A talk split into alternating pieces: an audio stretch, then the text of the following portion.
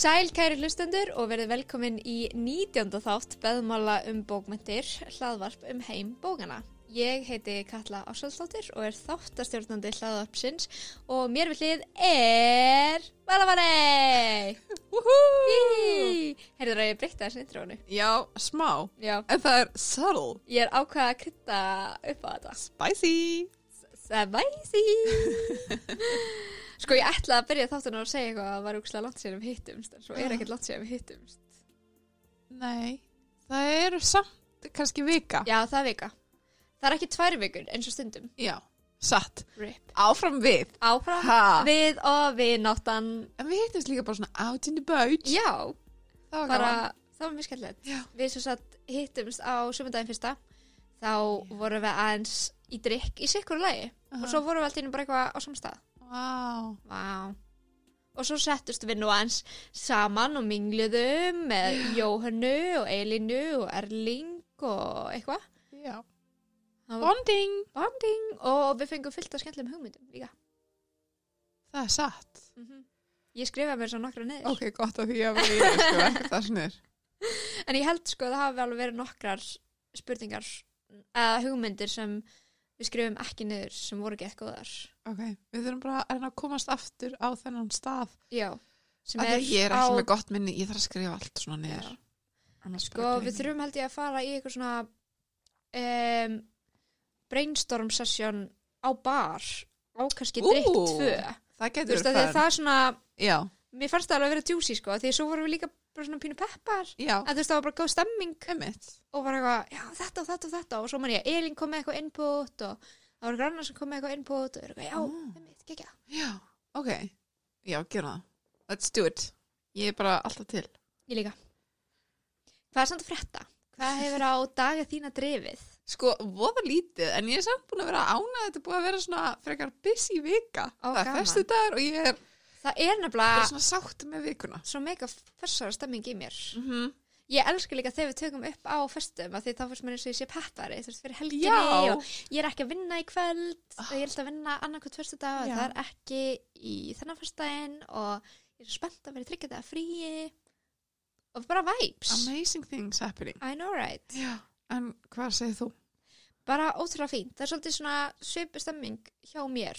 Um, núna er ég ætla bara búin í skólanum alveg fyrir svolítið síðan Wow. og þannig að ég er bara eitthvað að vinna og þess á milli er ég bara að lesa og ég er búin að vera að vera með handavinnu og hlusta podcast og svona hafa bara rólegt en veist það er samt ekki lítið að gera Mhm. fattur svona ég er að fylla dagana mína af einhverju sem er ekki vinna og ekki skóli sem er gett næs Mhm. af því að þú veist, mér finnst eins og það taki alltaf allt pláss í lífu mínu Mhm. þegar það er allt ótrúlega mikið annað sem er næs og að maður þarf ekki alltaf að vera á fullu að vinna að einhverju eins og þú veist að fá eitthvað ákveð útborgað eða að fá eitthvað klára eitthvað ákveð nám eða eitthvað Mhm. og ég er svona er realizing things í þessu. Bara eitthvað svona að það er svo margt annað sem ég get verið að gera sem er ekki það. Og ég held að þetta sé eitthvað svona eitthvað svona bæði eitthvað svona hrúturinn í mér að vera alltaf eitthvað svona á næsta markmið og næsta markmið og næsta markmið. Og líka eitthvað svona ég að vera uh, gegn síð af þessu kapitalíska samfélagi sem við búum í að vera alltaf eitthvað meira að vinna, keira Mhm. áfram, gera og græja og meðan núna er ég eitthvað, jæja, ég þarf ekki að vinna fyrir kannski klukkan hálf tvö ég ætla að vakna stemma því ég ætla bara að í sturtu svo ætla ég að draka kaffi og ég ætla að lesa Mhm. það er það sem ég ætla að gera allan morgunum minn Mhm. sem er ekkert mikið og það er ógslag mikið sem ég get gert á svona kannski fjórum klukkutímum að ég þarf að mæti vinna Mhm. það er samt bara næs það er sem ég ætla að gera Nice. eða bara fuck around og horfa á uh, Real Housewives of Beverly Hills Mhm. og því að það voru nýjar serjur að koma á Netflix Woohoo. mér finnst samt svolítið leðilegt að það eru bara komnar þú veist núna fjóra serjur Já. og þetta byrjar náttúrulega 2009 þannig ég bara árið er svona 2010, 2011 og Það er erfitt. já, er eitthvað, ok, ég er tíu árum á eftir í dramanu Mhm. Mér finnst þetta svolítið spes, sko. mm Eða þú veist, af, því að af hverju, þú veist, hvaða hömlur ætli séu á því að þeir setja bara allt inn. Já, emitt. Af því er- þeir eru augljóslega með leifi Já, en veit ekki hvort það ætla bara eitthvað að reyna að tegja hans á þessu eða hvort að hana, þú veist, sjómanstöðin sem er á sé með eitthvað svona ákveðið eitthvað það hlýtur að vera. Ég veit ekki, en þess vegna finnst mér með svolítið erfitt að vera eitthvað að horfa því ég er eitthvað, það er svo langt síðan, þú veist, hvað er mér ekki sama Já, einmitt. núna, þú veist, ég reyna ekkert að vera eitthvað pyrruð og vera að upplifa eitthvað dra, eða, þú veist, taka inn einhverja tilfinningar um drama sem að Já, gerðist fyrir löngu. já, emitt. Ég er samt alveg pínu living for it, sko.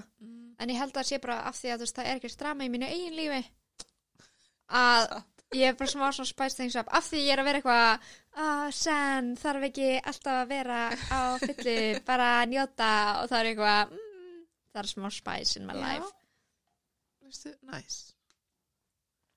I know it en þú veist, þá get ég líka bara horst á þú veist, raunveruleika sjónvarp og not feel bad about it af því þarf ekki að vera að gera eitt annað skilur, og það er ógislega næs tilfinning Mm -hmm.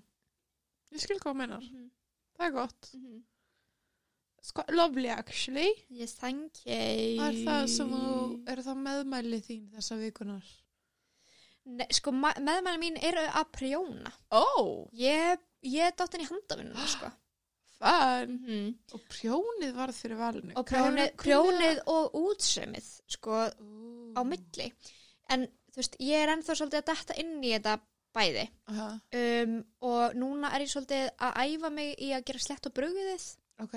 Af því ég svona er ekkert sérstaklega góð í að gera brugðið. Af því þetta er svona tækni sem ég er ennþá að, ennþá að venjast, sko. Mhm. Þannig að ég er ennþá bara í tuskunum, sko.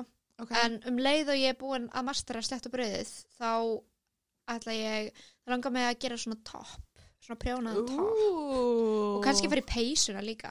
Að það er vinkonum minn sem er mikil, mikil prjónani, Mm.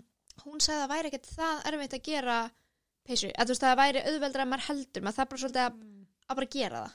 Skil Þú þig, veist, ok. maður það bara svolítið að henda sér út í djúbulöginu held ég með Já. handavinnuna, sko. Ok. Það, er, það er næsta skref. En ég ætla Nice. Að mastera slett og brauðið, sko. Fyrst.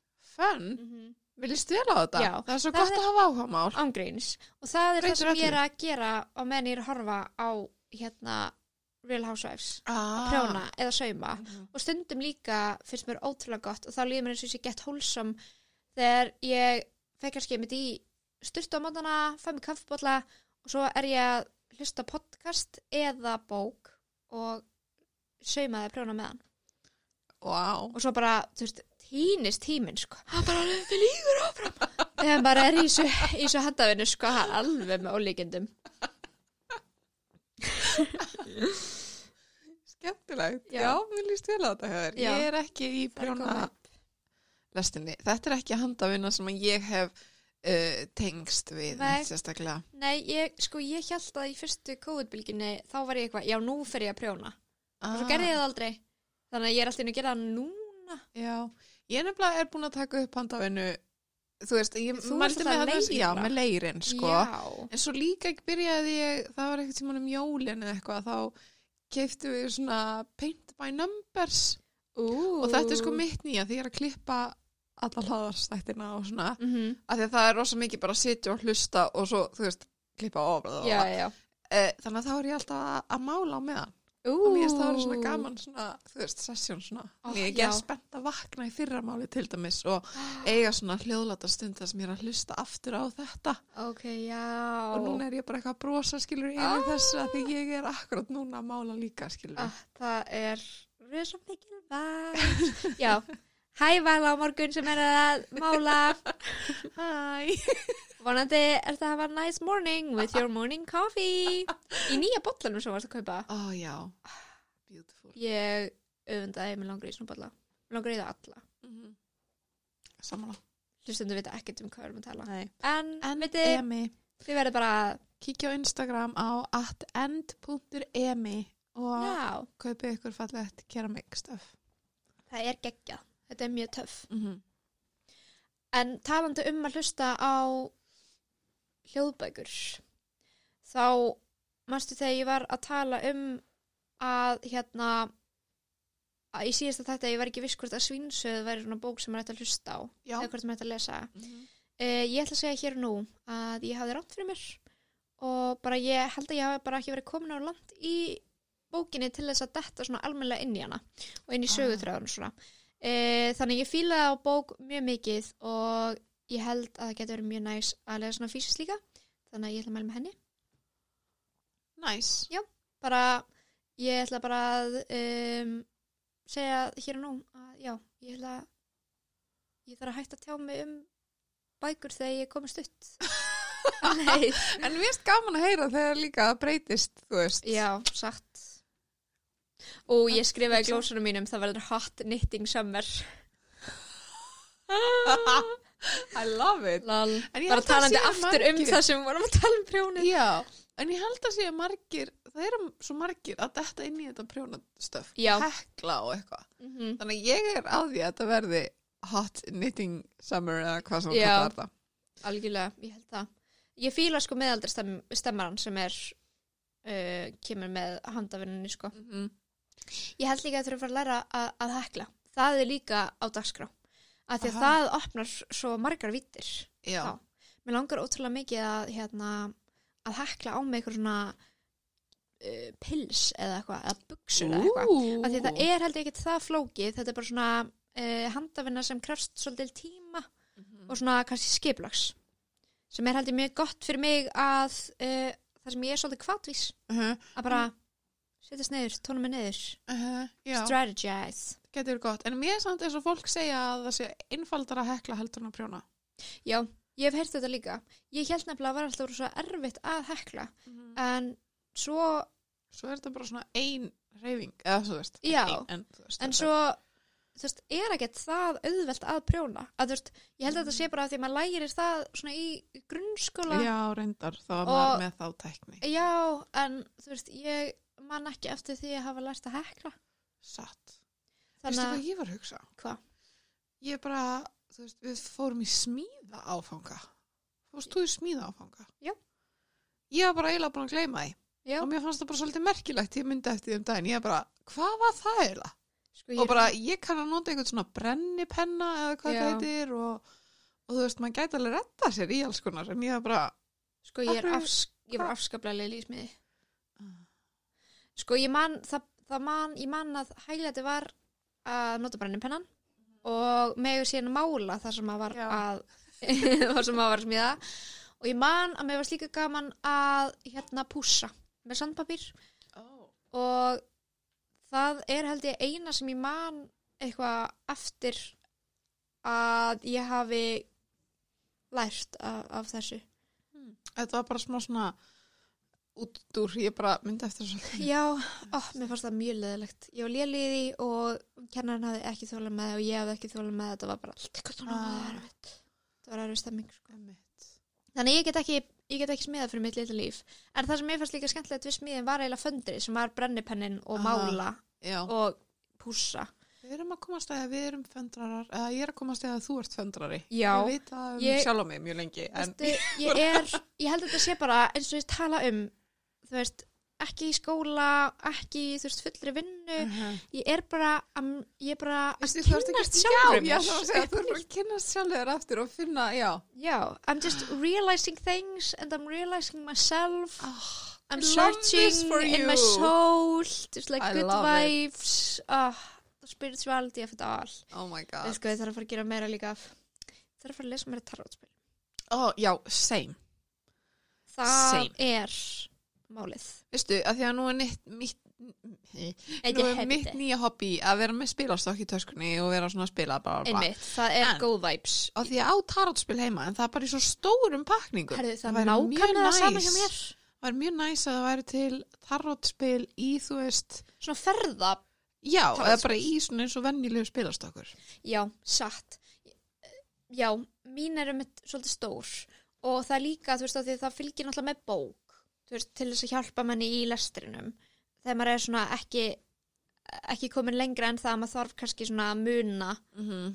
aðeins svona, eða maður þarf hjálpið að muna hvað allt uh, þýðir og svona.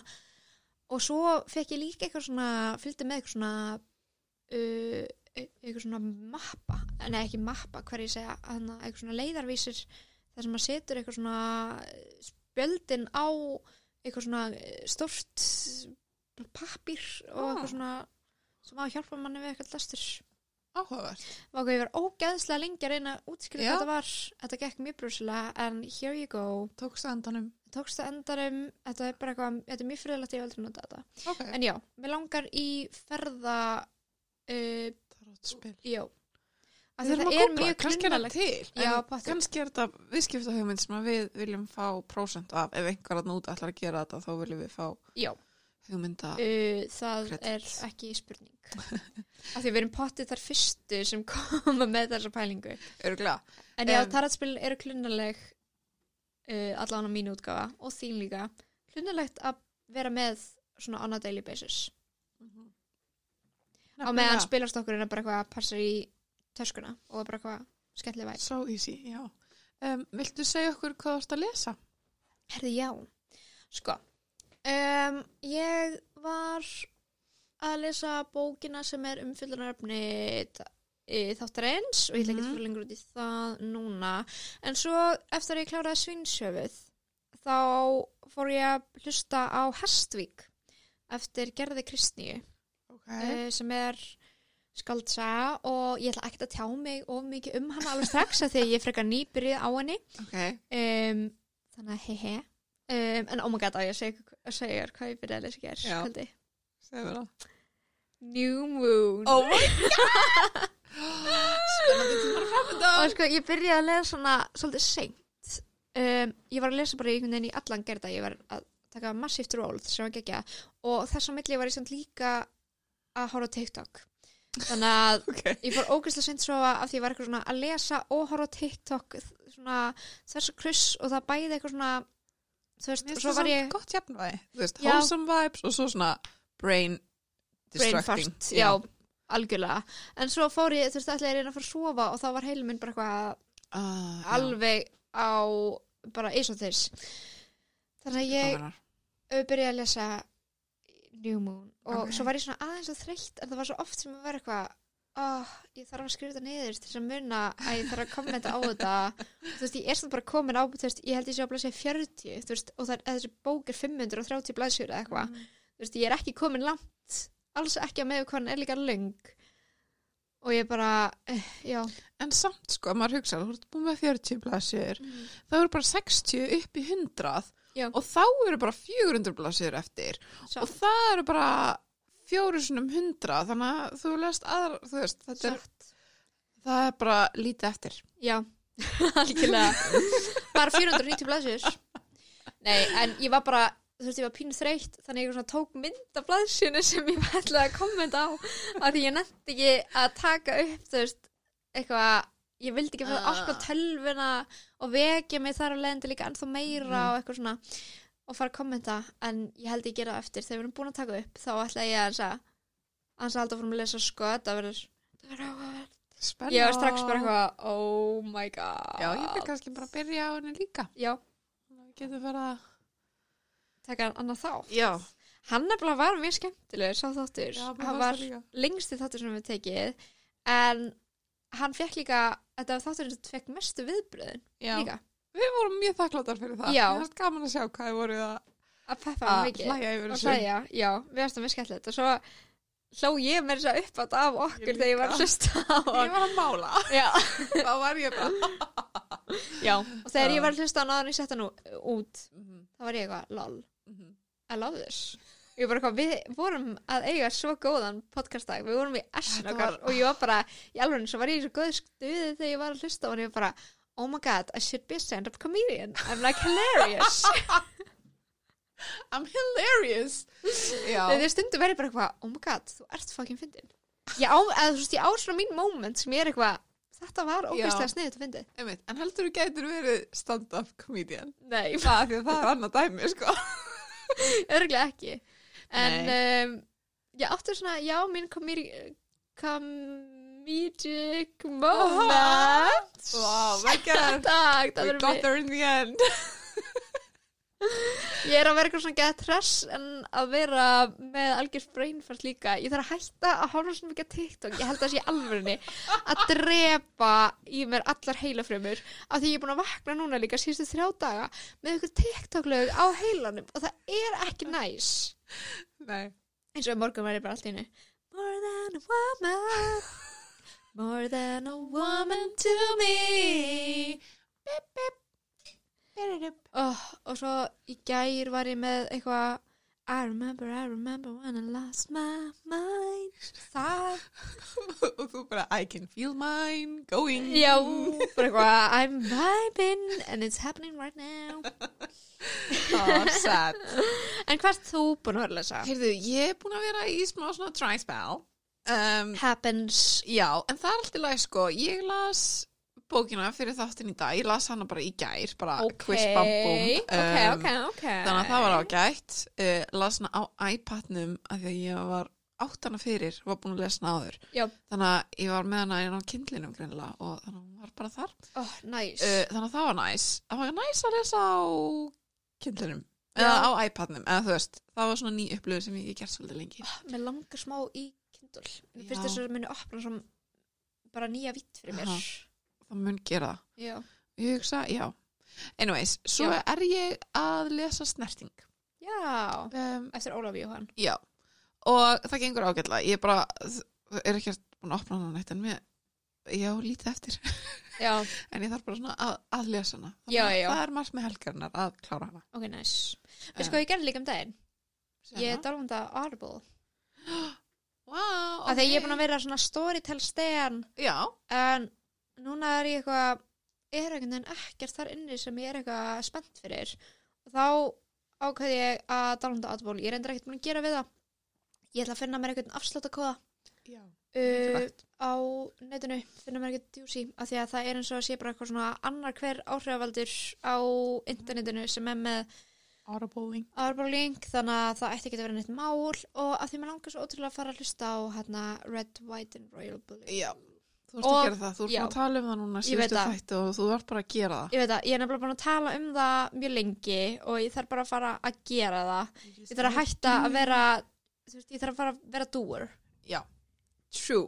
Hætti að vera tolker og verða doer. yes, Ok, I love it. I love that Spennandi tíma Já. framöndan. og það er líka alltaf Stephen Fry hérna Mythos og Já. það allt sem ég langar líka að fara að tekka á Já. en þú veist, ef Storytel vill fara að sponsa mig þú veist, þá er ég alveg til í að fara að tala betur um ykkur aftur og fara að eða meiri tíma en þú veist núna er þið bara kannski að fara að missa mig sem svona mikinn aðdáðanda af því að þú veist, ég er bara not vibin at the moment og ég held að ég sé að viba svolítið við að vara bara Uh-oh. sorry not sorry en já, ég var að fara að tala um þessu bók Já, gera það. Mér finnst það svo skemmtilegt að taka svona alvöru ront í byrjun. Chit-chat. Já, Já. spjalla, almennilega. Mér finnst líka skemmtilegt að hlusta podcast sem eru á spjallinu áður en þau byrja að tala endilega um umfyllunarefni. Ok, nice. Ég, þú veist, það er mitt persónulega mat. Já, og þú ert þáttastjórnandi þannig að Já. við fylgjum bara þér. Já, þannig að ég má gera það sem ég vil af því ég á þetta podcast. Þannig að ég ætla bara að tala út í loftið sem mikið að ég vil. Ok, Og ég enda podcasti kannski bara öskra okkur.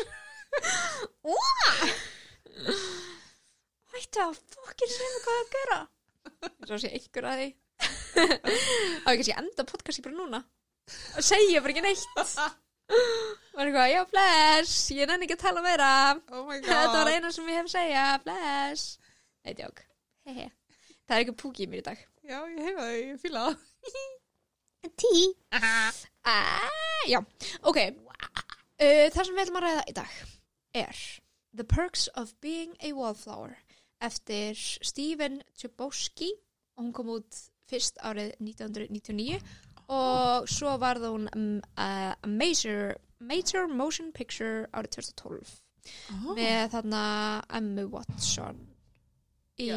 eitt af aðalluturkunum um, Þú last hana í gær eins og ég uh, Hvenær last hana fyrst?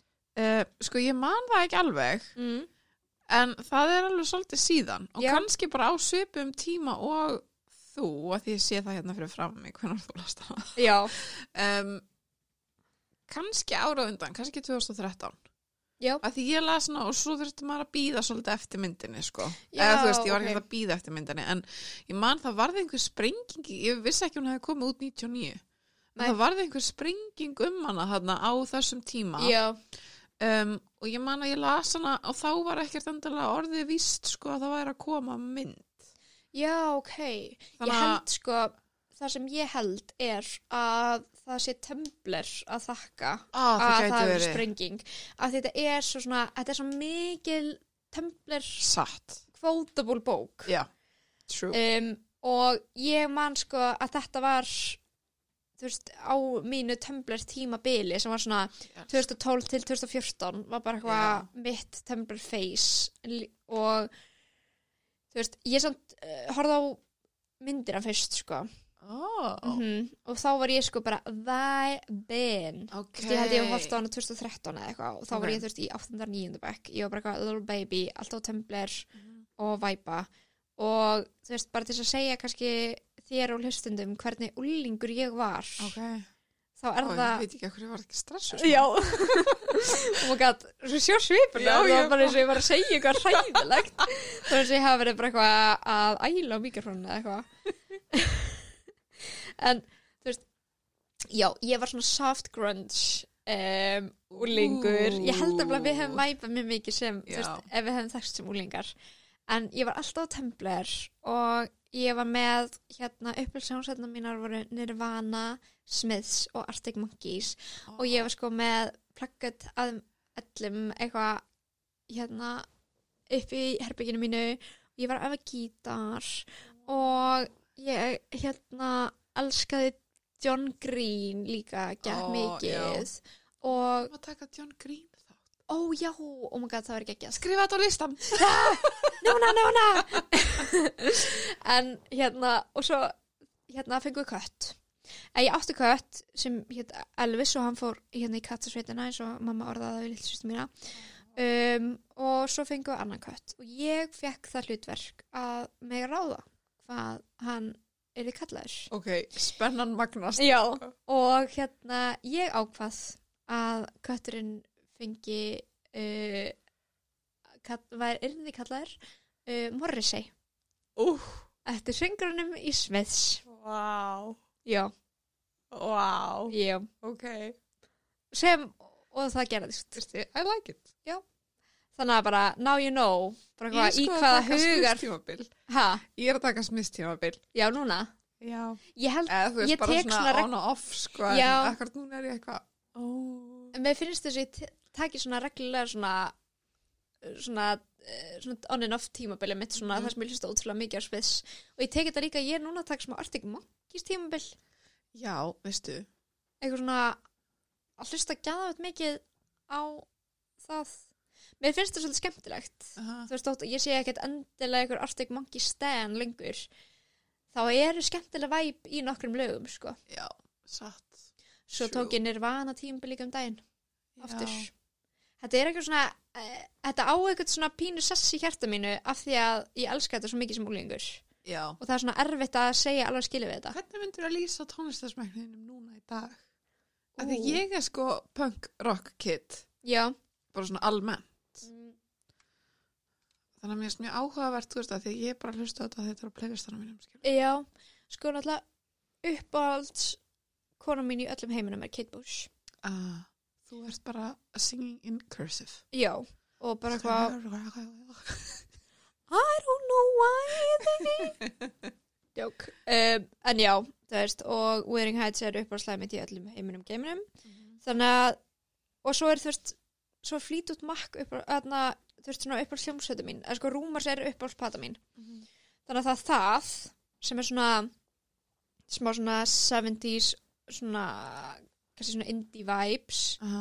En svo er það eiginlega 2000s svona cringe poplög. Ah, annars sko. Lovely. Og svo blanda því öllu saman við svolítið bubba. Uh, þarna, já, ok ok, excuse me já, nei, ok, já gott hjá þér, ég er ánað fyrir þína hönd en þú ert ekki bubba fan engin sérstakur, sko nei, ok, eða þú veist, ok, ok þá Var ekki að spyrja hann, ok? Nei, Ég veit, ég misti þetta bara út um mig. Ég ætla ekki að segja þetta. Ég er bara mjög ánað fyrir þínu að ég er ekkert á móti Bubba, hann er örgulega dásamlegu kall, Ah. skilur. Ok, ok þá. Vandræðalegt. Nei, nei, fólk þarf ekki að fíla bubba og þetta ég fíla bubba. En, þetta er, þetta er svona fyndin blanda af því að svo elska ég að hlusta á svona, hérna, ég er með mjög mikið guilty pleasure lög. Það er það sem ég eigði miklum tími að hlusta á. Svona, svona old 2000s, núna er ég að taka svona Lady Gaga Pokerface tímabil. Mm Það er gott. Og... svo var ég að hlusta á hana, í morgun var ég að hlusta á hana, Dance Again með Jennifer Lopez og Pitbull ég hlusta á það eitthvað svona þrísvar Vá, ok. þannig að þetta er svolítið bara þessu kruss en þetta eru svona þrjá sterkustu sjanrurnar Já. í mínu í, í, í mínu svona tónlistasmekk Mér finnst þið ekki betur. það ekki? En ef að halda áfram með Já. Wallflower.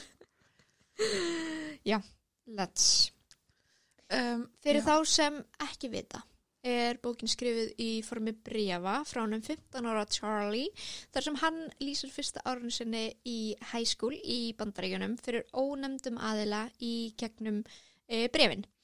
Charlie er mikill einfari og honum þykir best að hlusta á tónlist og lesa og gerir mikið af hvoru uh, en þegar hann hittir sískinin Patrick og Sam breytist ímislegt í lífi Charlies. Mhm. Og þá spyr ég þig, Valfanei, hvað finnst þér um bókina?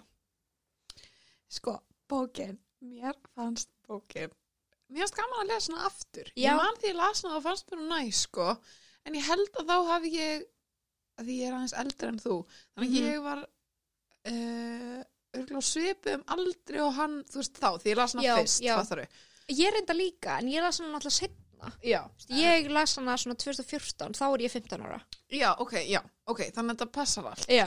Um, og sem er en skemmtilegt kannski var ég aðeins eldri en hann þá. Eða þú veist, ég man ekki En gaman að sko, mér gaman að lesa bók frá þú veist sem ég elskaði þegar ég var úlingur og hef ekki lesið Aha. neitt síðan.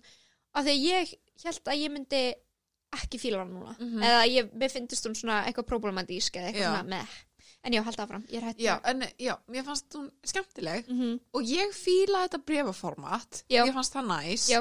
mér fannst gaman af því að, emitt, þú veist ég las hana fyrst þegar ég var svona svipum aldrei hann og kannski, þú veist ég vei, man ekkert endilega eftir að hafa tengst honum einhvern veginn svona þannig Já. þá, Mhm. eða þú veist en mér fannst núna þá var ég eitthvað svona vá hvað hann er skemmtilegur karakter og svona áhugaverðar pælingar sem hann hefur og mér fannst gaman hvað hann var svona bara svolítið hrein og svona næf Já, þú veist, já. að því að hann er rosa einhvern veginn bara svona ég veit ekki, upplifir heiminn á svolítið svona, finnst ekki barnalegan hátt, mér finnst það ekki kannski að vera orðið sem ég er að Nei, leita af. en ég held að sé líka því að En hann er að upplega svo mikið í fyrsta sinn Já, og veist- hann er svona bara geðveit mikið að átta sig á því hvernig hlutinni virka Já. einhvern veginn.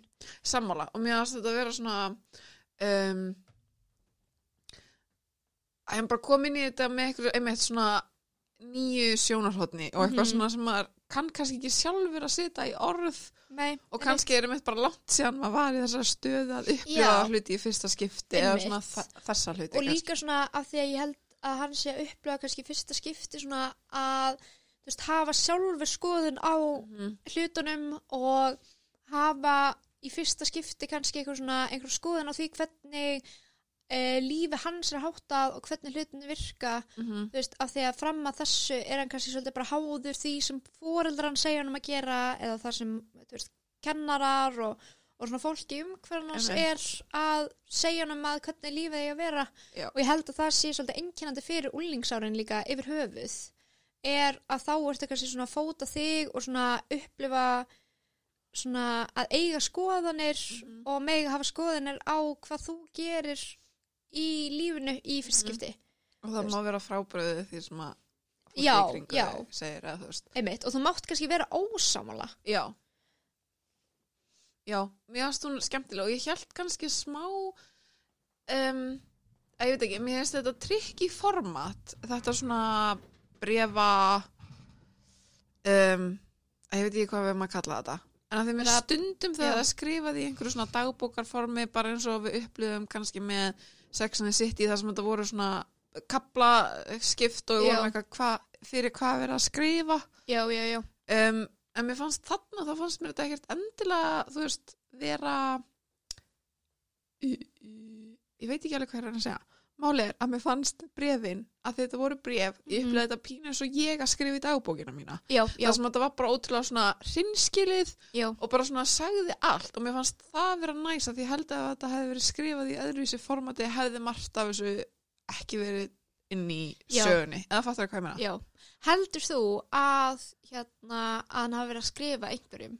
Ég nefnilega veit það ekki þetta Nei. er spurning sem ég velti mikið fyrir mér eða þá Já. hvort það væri einhver taktík sko frá sálfræðing eða eitthvað Já, já, eða eitthvað þú veist að bara skrifa já, einmitt. Af því að sko, ég man að þegar ég las hana fyrst, þá upplýði ég að hann væri, þú veist, að skrifa til einhvers. Mhm. Og, en svo núna var ég eitthvað, nei, þú veist, hann er ekki að skrifa til eins. Þú veist, og það er, Já.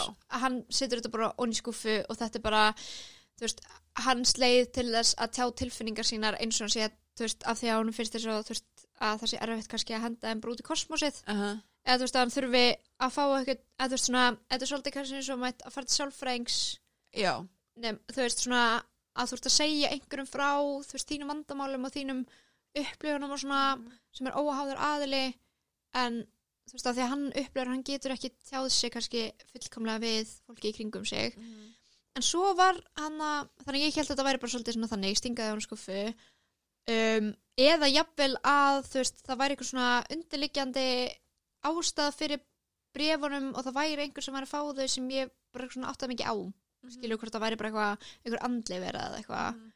en svo í lokin segir hann eitthvað svona seg, skrifar hann eitthvað svona já, hérna ég heyrði að það væri verið að tala um þig hann að einhverjur skólanum og þess vegna ákveði senda þér og þá fyrir að hugsa mitt þetta með andlifurinn og þá hugsaði sko, ok, er þetta guð eða eitthvað Ah, áhugavert. Að Af það var- segir eitthvað að þú ert að vera að tala um þig eins og þú sért góð manneski og hefur ekkert á móti þessum. Já, ég man eftir þessu, ég var eitthvað hm, áhugavert. Því ég mitt var búin að vera að hugsa hvort hann sé kannski að skrifa til látna vina síns. já, Michael Já, Já. hvort þetta hafi verið Já. eitthvað svona, einmitt, hann væri bara með hann í huga og væri eitthvað svona vinu minn, eitthvað þú veist. mm -hmm.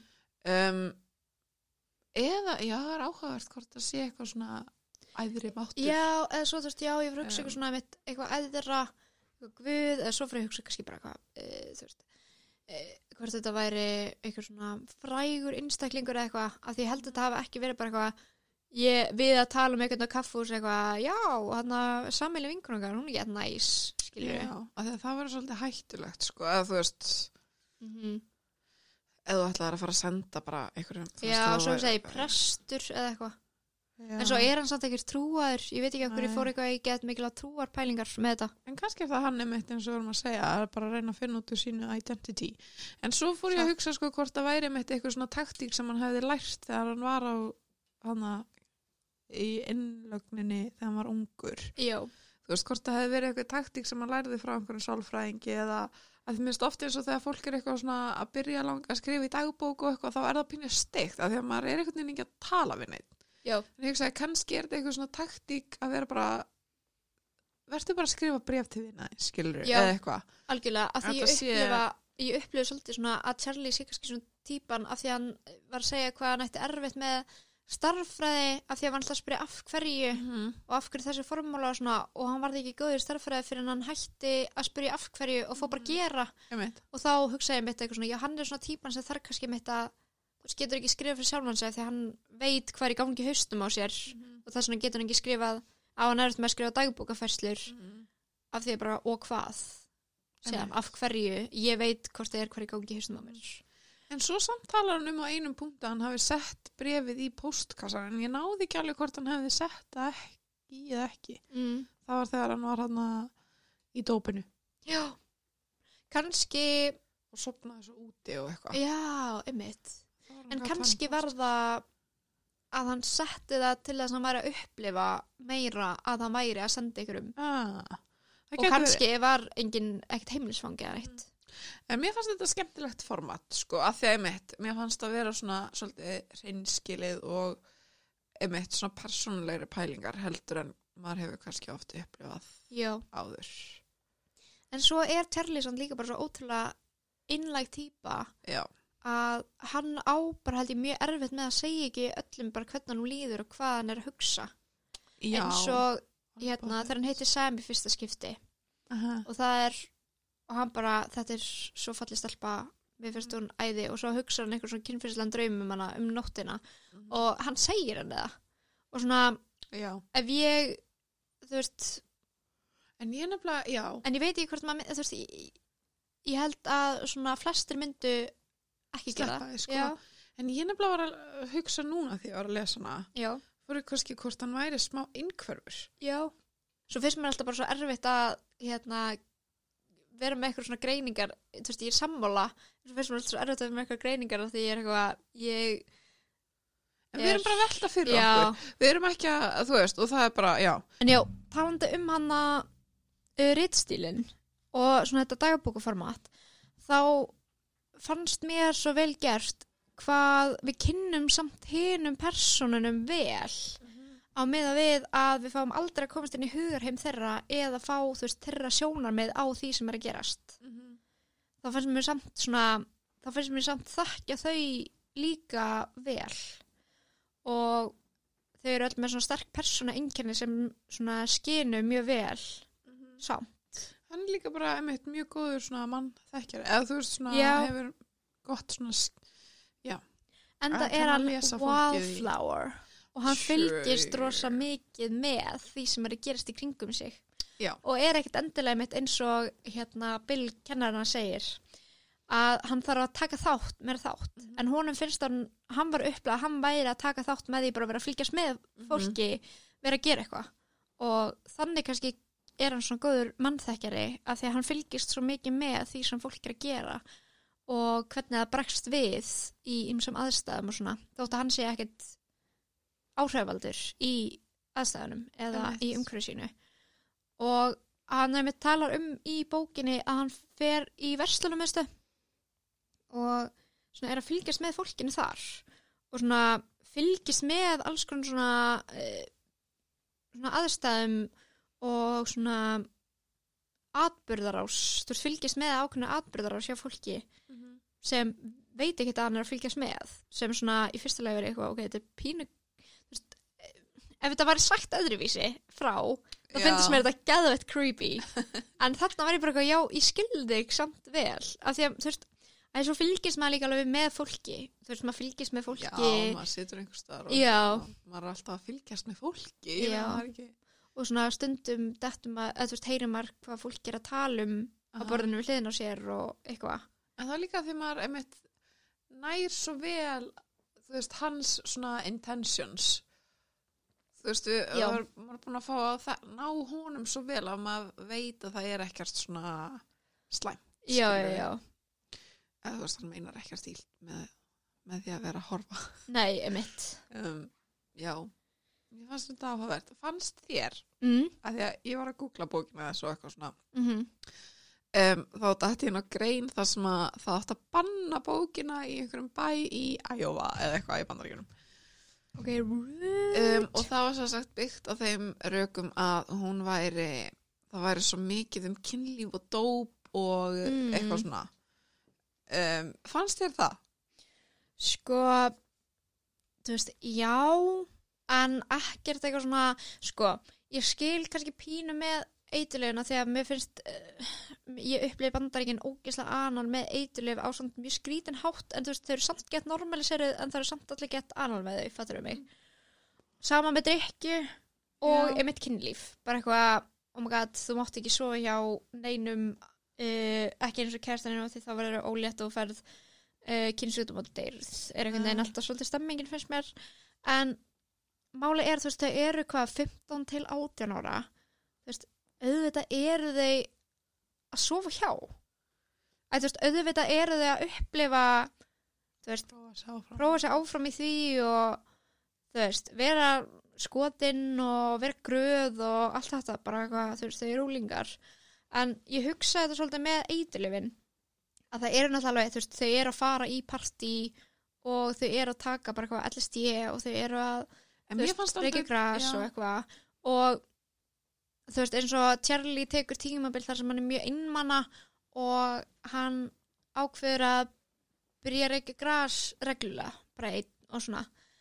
Um, og til þess að einhvern veginn svona kópa við innmannleikan og mér finnst það ekki hjálp sniðut en mér finnst það samt þú veist, mér finnst það engum móti vera að, að eitthvað svona setja eitthvað háan stall eða glorifæja þau. Nei.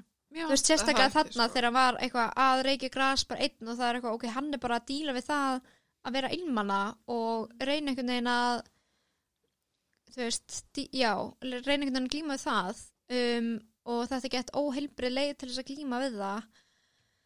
En þú veist, svo var það samt alveg oft sem var eitthvað, já, svo voru við bara eitthvað að drekka og reykja gras heima hjá einhverju fólki En mér fannst nefnilega, ég veit ekki hvort að ég hef bara verið að lesa þetta of hratt. Mér fannst ég nefnilega ekki upplöða þetta að það hefði verið það oft, þú veist, þetta kæmi það oft fram í sögunni og mér fannst aldrei eins og þetta ef við mitt væri að vera um, gefa þetta út í ykkur svona, emitt, að hvetja til þess. Þetta var Nei. meira bara svona observational svona Já. dæmi, þú veist, þetta er það sem að gerðist og út frá, eða þú veist, út Já. frá þessu, Einmitt. frekar en að vera eitthvað allir er að reykja það er geggjað Já, þú nei, veist, mér, ég finnst það meira bara svona að við erum að prófa okkur áfram þetta gerðist skilurðu. Já, ég upplýði það ekki heldur og svo held ég líka bara þú veist, eins og ég var í MH og þú veist, eins og mikil stál ímyndu það kann að vera þá þú veist, voru alveg mikið um græsreyingar og drikki og eitthvað, þú veist en þú veist, og, og mér, þú veist, þess vegna var ég eitthvað svona þetta hljóma bara eins og MH, þú veist, eins og þetta hafa verið bara eitthvað vinnahópur í MH, skilur, sem var bara eitthvað reykja græs og drekka og chilla um helgar Mhm. skilur og þú veist, þau voru öll svona stabil að því leiti, þú veist, þetta var ekki að hafa áhrif á, þú veist, hvernig þau voru skólanum og svoleiðis, mér fannst þau bara kannski vera svona, þú veist, þetta eru bara úlingar sem eru að díla við hluti í fyrsta skipti eins og bara, þú veist, ást og svoleiðis og kunni ekki að glíma við það og er að gera það á óheilbaran hátt. Þú veist, eins og Patrik líka tók tímabil þar sem hann vildi ekki sofa og var bara eitthvað að drekka og taka dóp að því að hann var að upplega mikla höfnun og ástasorg Mhm. en á sama tíma var þetta líka bara eitthvað þetta er samt líka bara eitthvað úlingar að vera úlingar og reykja gras og drekka um helgar Mhm. og ég er ekki að segja að það sé eitthvað gett eðlilegt eða eitthvað svona, að þú veist, ég er ekki að reyna að normalisera það skilur en þetta er samt eitthvað sem að gerist já, og þetta er alveg áhugaverð. basic hjá mörgum þetta þú veist, sumum finnst líka bara gett basic að reykja gras okkur um degi Mhm. þótt að mér finnst það absúrt pæling Mér finnst þetta bara steikt að þessi skóli ætla að fara að banna þessa bók á þú veist, les, eða þú veist banna nefndum Já. að lesa að, þú veist já, að því mér fannst þetta ekki Já. vera það nei, einmitt dramatísk einhvern veginn af því að það eru verri bækur sem að íta undir Já. miklu frekari neyslu, þú veist já, algjörlega og það væri bara eitthvað, að- já, ég er alltaf að taka allir stíð fyrir skólanum, mér finnst það geggja Já. eða bara eitthvað, shit, hvað næs að snorta kók eða eitthvað algjörlega, en þú veist, svo er þetta líka bara eitthvað bandaríkin að vera bandaríkin og ég bara eitthvað, ég óh, það. ég bara ég, ég fæ meira ógeð af bandaríkinum með sko deginum, ég er alltaf bara eitthvað, oi, hvað En mér eru fannst þetta þið? með líka bara að þetta er þessi bók og, veist, og, og myndir, þú veist, þetta Já. er bara svona En svo þetta er líka- svona hugljúft Já, veist, þetta er ekki þú veist, þetta er meira um vináttu og einmitt bara svona coming of age. Þetta er mesta coming of age já. bók sem ég hef lesið frekar en að vera mynd um dóp og áfengi. Algjörlega, það er algjörst aukaðrið steikt pæling. Algjörlega, það er algjörst aukaðrið en svo hugsa ég líka, þú veist, eru þau kannski líka að segja, þú veist, að þetta séu rökin bak við það, en eru kannski líka að, hérna að bannana að því leiti að, þú veist, það eru óþægileg umræðafni í henni, þú veist, eins og þú veist, þótt ég myndi náttúrulega ekki flokka þetta undir óþægilegt, en þú veist, það líka talað um samkynneið í henni, á bara svona mjög eðlilegan hátt, eins og þú veist, náttúrulega bara samkynneið er, skilur en þú veist, bandaríkin geti sko. líka ímyndað mér að það sé eitthvað svona issue, skiluru gæti svo sem alveg verið. Um, þótt að það ætti náttúrulega aldrei að vera það. En ég held samt að þetta hafi ekki farið í gegn þessi, eh, þetta bann. Um, en ég finnst það bara Það- áhugavert að já, velta þessu fyrir það sér er sko. steikt sko. Hvað voru ekki alveg, þú veist það búið að banna fullt af bókum í gegnum tíðina. Svo ekki steikt. Já, hverju- pottet. banna bækur? Þú veist í bandaríkjunum, einhver svona skólum og eitthvað. I don't know. við þurfum að googla það. Við þurfum að komast að því. Af því að mér finnst þess að þetta sé ekki fyrsta bókin sem ég finnst að hafa verið bönnuð. En mér finnst svolítið skemmtilegt líka því að Charlie les ótrúlega mikið. Lesa ótrúlega mikið. Ótrúlega mikið. Og mér finnst að um, ekki að við ættum að gera þetta en ég ætlaði að reyna að googla það en ég glemdi því. Hvort það væri eitthvað, þú veist, á YouTube eða eitthvað sem að væri búin að lesa allar bækurnar Já. sem að hann er að lesa í bókinni að það er ofta eitthvað þeng. Já, já, og það var svolítið gaman svona að það var fullt af bókur sem ég hafði ekkert heyrt um eða svona já og líka bækur sem er eitthvað, ó já, ég þarf að fara að lesa þessa. Mér finnst sko er geggjað að líka að þú veist, bækurnar eru svona þú veist að vitna í þær og þú veist hvernig einhvern veginn þær móta hann líka Mhm. og svona hvernig hann sér heiminn og þú veist, ég held að það hafi örugglega verið mjög svona ígrunduð mi- mikil ígrundur á baku það í hvað röð bækurnar líka koma já, ég, Já, held, ég það gæti hugsaði það Mhm. og svona að af hverju þessi bók og svona hvernig það hjálpar honum kannski gegnum einhverja aðstæður. Ah. svo finnst mér líka alltaf svo skemmtilegt að hann kemur með svona smá svona review á alla bækurnar Já. í hérna gott sko. í bréfunum. Já. en það er samt líka alltaf bara eitthvað ég fíla þessa bók, Love Always Charlie. Veist, það er aldrei eitthvað mér finnst þetta leiðileg bók eða eitthvað. En hann ekki- segir samt líka alltaf þetta er uppáhalds eitthvað svona síðasta bókin sem ég las er alltaf uppáhaldsbókin mín. Já, og það myndi mig pína á þig. wow. Já, satt, það myndi mig pína á þig. Kannski, já. Þótt að ég held að Eh. myndir aldrei segja kannski að upp, síðasta bók sem var að stóra uppáhaldsbókin Nei, það er kannski á við að því ég er ennþá að leita eftir uppáhaldsbókin minni. Já. Gæti alveg verið.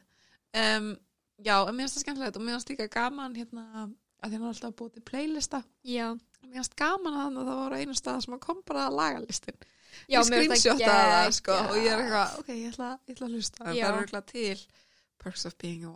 er Í- já, listin, skilur á mikið, sko. Spotify eða eitthvað en það náttúrulega er úr myndinni og það sem mér fannst líka mynd áhugavert er að hérna, myndin er með svolítið aðeins öðruvísi lagalista sko. ég man að Ah. það að Sleep með Smiths er í henni uh -huh. um, en eins og það er aldrei minnst á Heroes með David Bowie í bókinni en það er hann að tönnulægið í bókinni nei, í myndinni myndi ég kannski fengið ekki leifi fyrir Ég hugsaði það. Af því að, já, tönnulægið fyrir hlustundur sem hafa kannski ekki lesið eða hort um myndina, þá e, keiraði á svona pallbíl Sam, Patrick og Charlie og þau svona standa, eitt þeirra standur á pallinum, á pallbílnum og þau eru með tónlist í botn og þau keira í gegnum svona tönnul. Og þá er það eitthvað svona, they feel infinite, sem ég var eitthvað, ég las þetta, þessa setningu eitthvað, I feel infinite eða I feel like we are infinite, þá var eitthvað, oh my god, þetta er mesta Tumblr quote sem ég hef uh, lesið. True. En já, þar í bókinni talaðum að það sé landslide með Fleetwood Mac. Um, en í myndinni er það Heroes með David Bowie. Og mér finnst bæði mikið sans um, þau hafa mitt örglega kannski bara ekki fengið leifi fyrir landslide eða ekki fundist það nógu svona uh, rest að því það er alveg frekar rólegt lag. Uh, hvort að fannst það bara passa betur við að vera með eitthvað svona aðeins ressara lag og þá var það með David taka Bowie svona mikla breytingu eða Já, að mér varst að passa sko, Já, ég fílaði alveg, þú veist, mér finnst líka Heroes næslag, það. áhugavert. En Já. það var þess að drama sem ég ætla að segja þér áðan með hérna sem er eitthvað að tengist þættinum ég ætla að segja þér í þættinum.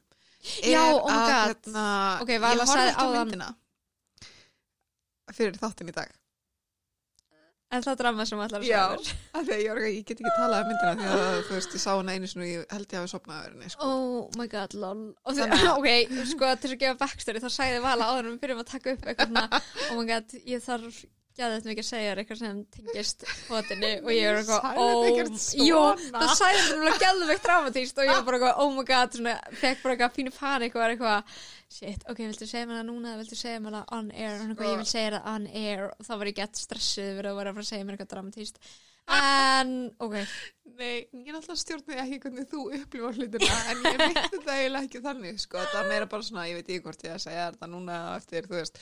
En ok, ég, en þú getur svona skila af hverju ég Já, upplega þetta ég var veit að vera gett ég veit, en sko því ég held að það var myndin var á öllum dæmum, ég er eitthvað easy peasy horfa á hana. Hún var ekki á Netflix, hún er farið á. Netflix. Hún er ekki inn á símin sjónvarp símans, hún var alltaf þar inni. Já, hún var ekki þar. Já, hún var alltaf þar, hún var ekki á Disney Plus, hún var ekki á Amazon. Eða þú veist, hún var á Amazon en í- af því að ég er svo heiður heiðvirð ég maður það ekki. Eh, ég er ekki með svona VPN eða þú veist, Já, ég er bara á þú Íslandi og bara díla við það, já. skiluru en svo ætli ég að taka smá U-turn og segja ég gæti ekki downloada en ólöflega Ég ætlaði um þetta að segja það verður bara að fáið VPN. Já, ekki VPN, sko. Nei, En kannski er bara að vera að þurrska myndir á það gæti verið að það sé bara búið að setja bann á hana alveg, Já. nei, ég veit ekki. Um, þannig ég, mér er svolítið leðilegt að því ég var svona peppi, ég ætlaði að horfa á hann í morgun. Bara svona eiga rólega morgunstundum Ah, að horfa á þessa mynd meðan ég var að gera mig til og eitthvað. En það gekk ekki upp, þannig ég man ekkert alveg eftir þessar mynd, þannig að minnst áhugavert þetta með Heroes, af því að þú veist Já. I don't remember that. Tíhi, Þú ert, rosa og kallaði bara, uh, ok. Ég er svo Vanþvegin Þú Ég hatar bubba og þú nennir ekki svona að horfa á svona mynd Jú, ég sko, ég fór ekki að sofa fyrir klukkan tvö að ég var svo mikið að reyna að downloada henn og finna út úr þessu. Það bara gekk ekki upp. Ég var að byrja Ok. að googla eitthvað akkur virkar ekki þetta í tölvunni? Og eitthvað. Þannig að Ég fyrir ég legg mig fram. Ég var að fokast Þú gera það. I'm just, I'm sorry It was a bad joke Fine. En ég skulle upprösta því að það er líka að ég horfði hana ekki sérstaklega fyrir þáttinn en það er ekki það langt síðan ég horfði á hana Mm. Þú veist, ég held ég var að horfa á hana bara um jólinu eða eitthvað þannig ég man svona alveg ágætlega vel eftir henni Já. þannig að þú veist uh, þér er fyrirgefið og ég horfði á hana bara eitthvað að streyma á hana netinu ólega þá Já, þannig að kannski er bara búið að breytast síðan þá kannski tók eitthvað bara 1. janúar 2021 þá tók við einhver lög sem sagði að það mætti ekki horfa á þessu mynd einstaðar Kanski. Ég meina, I don't know. oh. En það eru flotti leikaraðinni. Já, Emma Watson Emma og Ezra Watson. Miller og, Og hann hann sem að leikur í ykkur. og hann konan sem er hann að fyrirvarandi McDream í Girls Anatomy leikur hún ekki með minna? Ég veit ekki, ég er sér segi, I don't know. Ég sá bara trailerinn og ég man ekki eftir að hún hafi komið fram mikið í trailerinnum. En hann hann Paul, nei hvað heit hann? Leikur Já, kennarann? Paul Rudd Já, leikur mér fannst leikur Bill. Já. Já, hann er góð bill sko I like Paul Rudd. I like him too Um, en já, þannig að við mælum bara með þessar bók. Já, Og kannski myndinni. sko, ég það sem ég satt líka fíla það sem ég sko fíla líka við sko, þegar við þurfum aftur um hann að, ég er svo mikið að fara back and forth en þú veist, fólk verður bara að díla við það um, hann að þurfum aftur um bækurnar er að það sem ég fannst með snæs við það versus kannski aðra bækur sem ég hef lesið þar sem er talað um bækur eins og þú veist, þegar við töl- tölum í síðast þetta um Twilight, er þú veist að hún á að lesa gett mikið en það er ekkert þú veist, sem segir eitt til um æfatturu þú veist það var bara eitthvað, já hún er alltaf að lesa Wuthering Heights, ble, ok, punktur. En þarna fannst mér svona þú veist, það meikið sens og það hafði svona áhrif á söguþráðan mér fannst það eitthvað svo fallegt Aha. og þú veist það var svo vel úthugsað eins og ég sagði áðan og þú veist ég bara ég nautast svo mikið að það væri þú veist verið að einhvern veginn flétta þeim inn í og þú veist það þarf náttúrulega ekki alltaf að vera að flétta inn öðrum bókum í bókum en svona þetta, veist, þetta hafði bara svo mikil áhrif á hans sem personu og svona hans personu sköpun og mér fannst svona eins og þú veist það eru margir bókaormar í öðrum bókum en bækunar eru samt sem áður einhvern veginn ekki hafa áhrif á þau. Það bara eru nokkra setningar um að þú veist manneskjana einstaklingum sé alltaf bara eitthvað upp í rúm að lesa en punkt og punktur skilur en þarna er svona verið að sína hvað þar hafa mikil áhrif á hann sem einstakling og hvað hefur mikil áhrif á hann hver er að mæla með bókunum og hvernig og eins og þú veist, ég, mér fannst ég átti mig gett vel á Bill ennskukennunum bara út frá bókunum sem hann var að láta hann fá. Og það var samt oft sem ég var eitthvað ok, þetta er gett tilgeralegt að vera að láta hann lesa To Kill a Mockingbird og Catcher in the Rye og eitthvað, en þú veist, ég samt væpa alveg við það upp að því leiti að þú veist hann er 15 ára og þetta er ennsku kennari sem dreymir um að verða leikskáld og það er bara bæði gett tilgeralegt Mér stóð sko aðeins of cozy. Ég er bara, hvað er að gerast þetta? Þannig að því ég er að Komin úr sokknum og Nei, ég er, að, ok, ég er alveg, ég er í soknum, ég er bara eitthvað, Varst að tósa upp yfir hælina þér, þú varst komin úr honum. það er ekki að vera komið úr honum. Weird. I don't like it. I'm uncomfy. Ok, ég er bara svona ligg aðeins í stólun sem ég er hérna, sem ég siti í og ég er eitthvað aðeins að fykta í sokkunum og núna var alveg að segja, ok, ég, mér langar sko núna ég mér skapar næst að fara bara alveg úr sokkunum og vera bara berfætt bara til þess að gera Það myndi líða betur. Það myndi bara gera það. uh, ég sem var geðveitt mikið in my zone að tala um þessa veit bók og eitthvað "Vá, hún er hún homie. Ég og þess vegna var ég gett líka því ég var svo mikið að pæla og þá var ég eitthvað svona fykta í sokkunum mínum og þú er gæðilega bara ekki að hlusta það sem ég er að segja Ég er bara ekki a food girl. bara svo sorry. já, ég er ekki eldur. Það er bara þitt king greinlega. Tásur og eitthvað. Og nú Ok. ertu bara að setja puttan í auguna þér sem varst að nota. I can't do this, guys. Ég segi upp. Þú ert að lýsa mér eins og sé eitthvað algjört ágeð eins og ég hef bara verið að sleikja með tætnar á meðan ég var að tala eitthvað. Ég bara er að koma mér vel fyrir og svo var ég eitthvað aðeins, ég var bara eitthvað að fykta í sokkunum mínum sem eru bæðu vegi, bara mjög hreinir sokkar og svo klæja mig í, í augað og ég var að nota bara ekki að nota þannig Ég elskar fingur. það hvað tekur þetta inn á þig. Ég var bara Það og segja ég sem er tásu fettir. Já, bara grínast. Þú greinilega þetta sé eitthvað sensitive subject. Þú ert bara aðeins að Ég missa þetta er yfir þessu. brjálið að þú skilur að hafa sagt Átta þetta, þig svona. átta mig svona í mínu podcasti að ég er sem eitthvað tásfættur Veiting, þú væri ekki hérna án mín. Nei, það er satt Þess vegna var ég að tjóka með að segja þetta var mitt Já. podcast eins og ég réði einu eða neinu eitthvað þannig Þetta er bara mjög gott samstarf sem við eigum þrátt fyrir að hún sé að áta mig með einhverjum spúa út Ég einhverjum legum um mig Bara að við getum ekki tekið þetta upp. Það er bara að fólk sé hérna upplifa þetta með okkur. Já Ok, þetta var út út úr um, Ég er svona svo mikið in my zone Ok, whatever Nei, ok, ég bara, þú veist Mér finnst bara gott að líða vel, skilur Þess vegna sitt ég svona og þú sittur eitthvað með krosslaðar uh, fætur og þú ert eitthvað voða dönnuð og horfir niður á mig á því ég ligg. Já, af því að þú liggur þá verð ég að horfa niður. Ok, þá, whatever. Ok, hættum þessu. Ok, Vala on her high horse. Það er leiklegu púkið þér, mér finnst það ekki skemmtilegu púkið.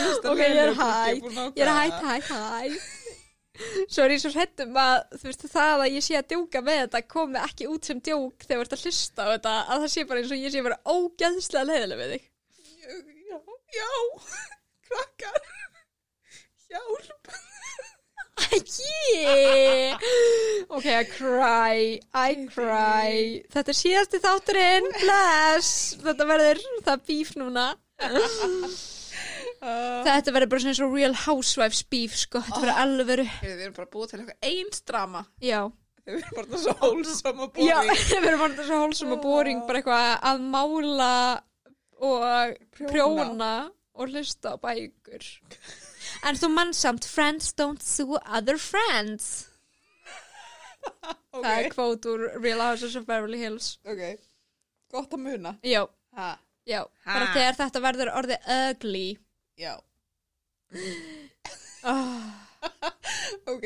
Ok. Hérna, viltu segja eitthvað meira Ég- um bókina eða bíómyndana eða Já, var þetta gott sko- að heita í dag? Já, ég vil, ég vil ræða það betur Ok, um, og ég skal já, hætta að fykta í sokkunum mínum nei, við mátt um, fara, sko. Nei, ég, ætla, ég er bara hætti uh, Hérna, en hérna uh, Nei, en mér langar kannski bara að beina sjónum með þess meira að myndinni Ok, um, Hún kemur úr 2012 í, einmitt, mikla Tumblr eranu sem ég held að hafi gert góða hluti fyrir bíómyndina, sko Já. og hún var um, mér finnst hún vera svona rosa romanticize skilur ok, já. um, og mér finnst bókin líka vera svona romanticizing daily life skilur og vera svolítið svona að romanticiza svona þetta teenage angst dæmi Já, um, sem, þú veist, ég væp alveg við að því leiti, þú veist, að það sé svona coming of age bók og bíómynd um, þá finnst mér alveg mega sens að svolítið svona romanticisa daglegt líf og romantisa þess að vera þroskast og verða þenni eigin persónu og okkur svona. Þannig að ég væpa alveg við þá. Mér fannst líka skemmtilegt að lesa hana, ok, ég fór ekki að tala um bíómyndina, ég ætla að klára að tala um bókina þá. Um, að mér finnst sko, mér fannst skemmtilegt að lesa hana af því ég er á pínu krosskutum í lífinu. Þú, þú veist, ég er búið með Ah, já. háskóla námið mitt og er svolítið svona, þú veist? Já, og er svona svolítið svona að einmitt að átta mig á því hvert ég er að stefna í lífinu og svona og þú veist, ég á það til að vera í mikill tilvistakreppu ég held að eini konstantin í lífinu mínu sé að ég sé í tilvistakreppu Stöður til Já. Án djóksa. Já, það er samt gott að finna nú, ó, vá, ég hef aldrei pælt í þessu. mm Það er gott að vita að keiosið er stöðugt. já það er það sko, Ó, ég fekk bara svona ró það ekki Vá.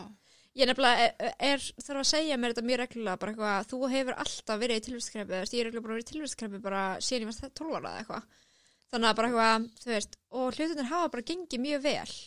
Þannig að þú veist, ég er bara að fara áttum á hlutunum og það er alltaf lægi að vera ekki með 100% plan hvað er að fara að gerast bara eitthvað næstu fimm árin. Og bara njóta þess að vera svolítið í bara eitthvað svona í smá kaplaskiptum Bara slekkur að njóta og lifa. true, facts. Fakt frá Jópi og Arnkan. Um, en já þú veist þess vegna fannst mér líka skemmtilegt að lesa bóka þetta er svona coming of age og þetta er svona kaplaskipti í lífi úlinga Mhm. að svolítið svona yfirfæra þeirra kaplaskil á mín kaplaskil þótt að ég sé þú veist ekki að vera úlingur Aha, og þótt að ég sé að upplifa öðruvísi kaplaskil já. og ekki eins dramatísk að sinn, þú veist, ég er ekki að dópa til þess að átta mig á lífinu skilur. Ég er opinn með mína ekki dópnislu skilur. Gott. Ég er opinn með það að ég sé ekki neyslu. Veistu, það er ok. Veistu, gott viðhorf. Ég er bara mjög opinn með það. Ég er bara bjóðum með það. Vá, gott að hlæja. Hvað vorum við að tala um? Þú varst að tala um dóp. Já. og ég verði að tala um dóp. Dóp, dóp, Þú dóp. værir ekki að taka dóp, til þess að dýra við þitt chaos. Já, og þú veist, ég er að, að upplega öðruvísi chaos heldur en kannski ég var að gera, þú veist, þegar ég var á þeirra aldri. Eða þegar ég var úlingur. Ég er að upplega kannski meira svona fullorins chaos. sem er bara eitthvað, Sem var boring, sem er bara boring, eitthvað honestly. ángríns. En já, En já, og myndin, sko, hún er alveg tölvöld öðruvísi, fannst mér heldur um bókin.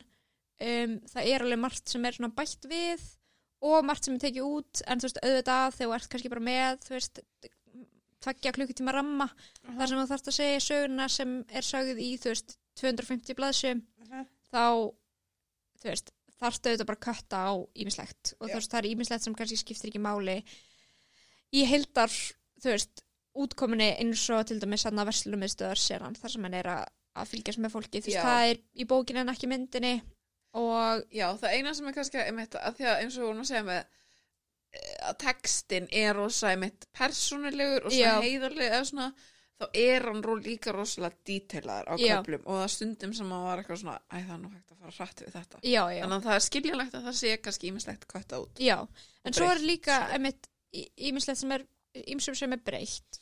Og þú veist, það var sérstaklega kannski loka senan áður en hann fer aftur uh, í innlögn á sjúgrós Mm. þannig að uh, þegar hlutinni fara svolítið svona að magnast upp í hugarmánum er að þá í myndinu er svolítið gefið í skinn að hann sé að reyna að fremja sjálfsvík um, og sýstir hans er svo sem uh, bjargar hann mikið um það versus í bókinni er því líst að hann situr nakin og er að horfa á sjónvarpið en það er ekkert í sjónvarpinu.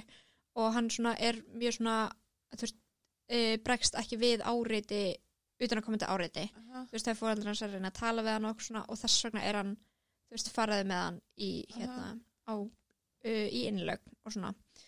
Um, að mér fannst svona þær breytur sem eru í myndinni versus bókinni samt alveg make a sense. Ok. Þú veist, ég var aldrei ósamála Mhm. en það var stundur sem ég hugsa líka hm, af hverju skildu hafa breytt þessari senu svona, eins og þarna. Þú veist, af hverju var þessu breytt í þetta var það til þess að, þú veist, auka við ykkur spennu, þú veist, hjá áhörundum eða eitthvað, ég veit það ekki.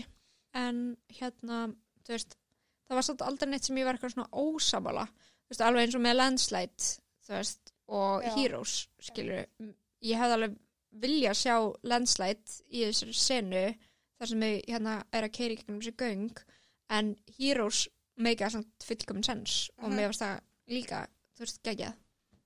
Fattar mig þannig að ég þú veist, ég fíla bókina um, mér finnst það gett næs mér finnst það svona, já, svona hugljúf og svona hugguleg og þú veist, þótt hún sé líka að tala um erfið málefni þá færst mér samt einhvern veginn takast á við þau á mjög svona góðan hátt og svona þú veist og einhvern veginn svona fara mjög svona svona varlega í umfyllunaröfnin Já, mér fannst aldrei óþægilegt að lesa bókina. Nei, þú veist eins og maður hefur stundum upplegað kannski að maður er svona, að mér finnst það ekki.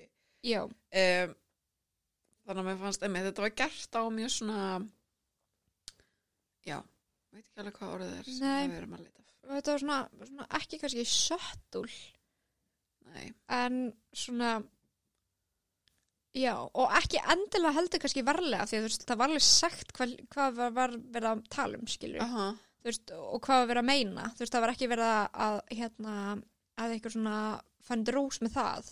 Mhm, en þetta var samt bara eitthvað svona mjög bara fallegt kannski.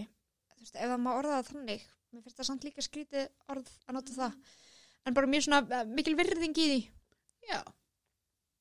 Það er kannski, þetta var svona þetta var hreinskilið á Já. þess að vera sko eh, svona æbandi Já. á mann eða þú veist, eins og það Algjörlega. er oft gert þá er oft verið að nota eitthvað svona sjokkfaktor já, já, eða þú veist, að já, reyna að magna upp eitthvað eða já, gera það eitthvað neginn svona Einmitt. mei eða svona já, þó gera þetta sé mikið alveg- úr því já, og þó þetta sé alveg svona stór atvik og stóri hluti Já. sem er verið að takast á við og, og tala um já, það er það aldrei gert einhvern veginn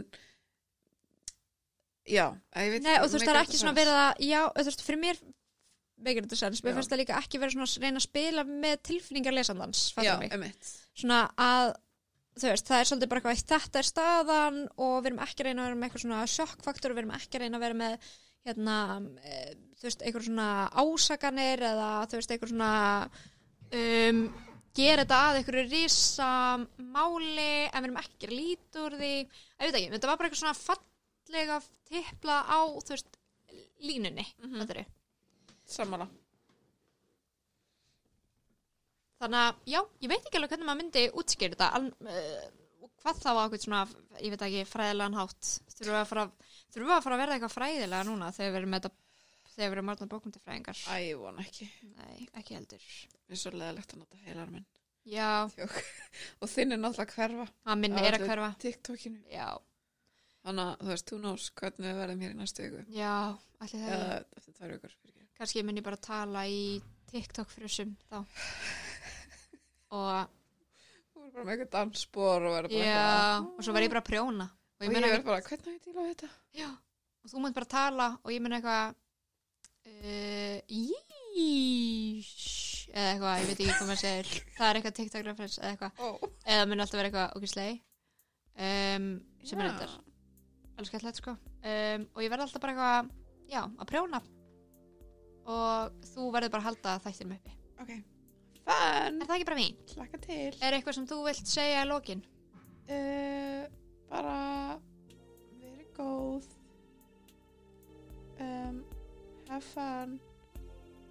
We can be heroes just for one day. Ok uh, við þakkum I'm gone. I'm gone, ok, bless. Uh, Við þakkum kærlega fyrir okkur.